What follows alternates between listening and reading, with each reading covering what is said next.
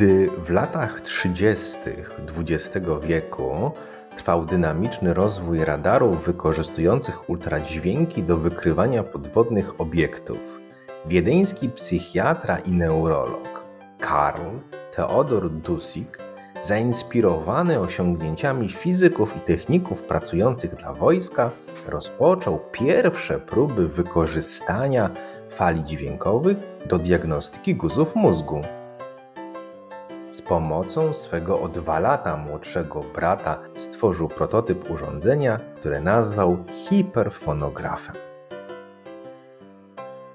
Z perspektywy czasu, nam, współczesnym lekarzom znającym dalszy rozwój ultrasonografii, wydaje się to co najmniej nieco dziwne, że pierwsze próby wykorzystania ultradźwięków w diagnostyce obrazowej dotyczyć miały obrazowania mózgu u dorosłych pacjentów.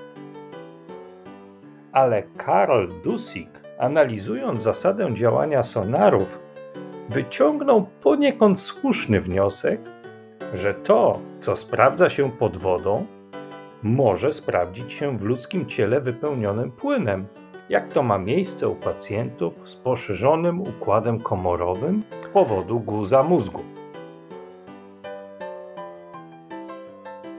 Hiperfonograf, stworzony przez braci Dusik, był urządzeniem, które wykorzystywało wiązkę fali ultradźwiękowej w sposób znany z aparatów emitujących promieniowanie jonizujące.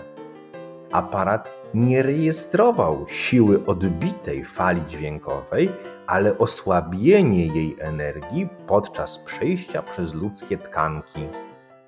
Górna część głowy pacjenta była zanurzona w łaźni wodnej między nadajnikiem i odbiornikiem fali dźwiękowej o częstotliwości 1,2 MHz.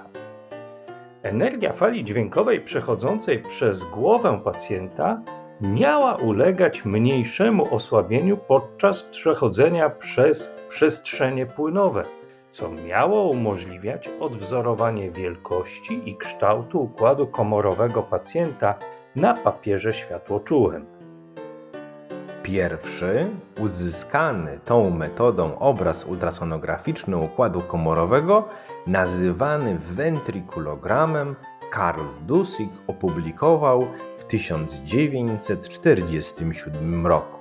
Wyniki swoich badań Karl Dusik w następujący sposób referował podczas kongresu w Bad Ischl w 1952 roku.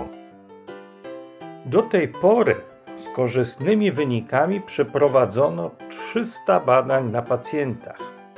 Statystyki kliniczno-patologiczne są nadal ograniczone ale można wykazać, że obecność guza stwierdzona metodą hiperfonografii w serii przypadków została zweryfikowana albo przez operację, albo przez sekcję. Nigdy nie odnotowano, aby guz mózgu miał prawidłowy hiperfonogram, z wyjątkiem guzu w tylnym dole czaszki, gdzie można było oczekiwać tylko wodogłowia komorowego bez możliwości wykazania guza. Hiperfonografia nie stanowi ani zagrożenia, ani irytacji dla pacjenta, ponieważ badanie trwa tylko około 10 minut. Hiperfonografię można powtórzyć kilkukrotnie, tak aby obserwować rozwój, a następnie wyniki terapii w przypadku guzów mózgu. Tym miejscu warto powtórzyć, że koncepcja tworzenia obrazu mózgu stworzona przez braci Dusików różniła się od koncepcji współczesnych aparatów ultrasonograficznych. Próbowali oni stworzyć dwuwymiarową prezentację kształtu wypełnionych płynem komór mózgowych poprzez mapowanie wewnętrznych powierzchni mózgu, ale nie mierzyli oni tak jak we współczesnej ultrasonografii, odbicia fali dźwiękowej, ale jej osłabienie między nadajnikiem a odbiornikiem umieszczonymi po obu stronach głowy pacjenta. Choć pierwsze wyniki pracy w braci Dussig były bardzo obiecujące, Dość szybko okazało się, że pierwotne założenie dotyczące działania hiperfonogramu nie znalazły potwierdzenia w kolejnych badaniach. Grupa naukowców z laboratorium Siemensa w Erlangen w Niemczech opublikowała wyniki własnych badań, z których wynikało, że obrazy uzyskane przez Dusika były jedynie artefaktami, a podobne obrazy ukazujące rzekomy obraz układu komorowego można było uzyskać również podczas badania pustej czaszki umieszczonej w łaźni wodnej hiperfonografą. Wkrótce stało się jasne, że zarówno silne odbicie fali i jej tłumienie przez kości czaszki przyczyniają się do powstania wzorca, który był przez Karla Dusika błędnie interpretowany jako obraz komór mózgowych.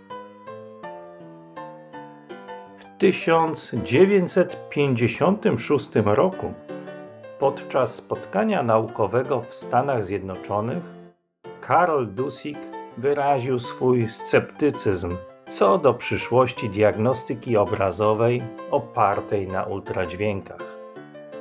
Pozostając na emigracji w Stanach Zjednoczonych, porzucił dalsze badania dotyczące możliwości obrazowania guzów mózgu i zogniskował swoją uwagę zawodową na badaniach dotyczących wykorzystania ultradźwięków w terapii, między innymi leczenia zapalenia stawów i stwardnienia rozsianego. Jednym z efektów ubocznych badań naukowych Karla Dusika w tym czasie było odkrycie zjawiska anizotropii, doskonale znanego wszystkim, którzy za pomocą ultrasonografii obrazują mięśnie i ścięgna. Dziś może się wydawać, że Karl Theo Dusik nie osiągnął zamierzonego celu i mimo pierwszych nadziei nie był w stanie za pomocą hiperfonografu uzyskiwać wiarygodnych obrazów mózgowia swoich pacjentów. Ale to tylko część prawdy o pracy Dusika, bo ponad wszelką wątpliwość należy przyznać, że to właśnie on był pierwszą w historii osobą, która w zaplanowany i zorganizowany sposób podjęła próbę wykorzystania ultradźwięków jako narzędzia diagnostycznego. W tamtym czasie koncepcja Dusika była dowodem jego niezwykłego talentu i pomysłowości. Douglas Gordon, brytyjski pionier ultrasonografii, opublikowanej przez siebie w 1964 roku książce Ultradźwięki jako narzędzie diagnostyczne i chirurgiczne nazwał Karla Dusika ojcem diagnostyki ultradźwiękowej.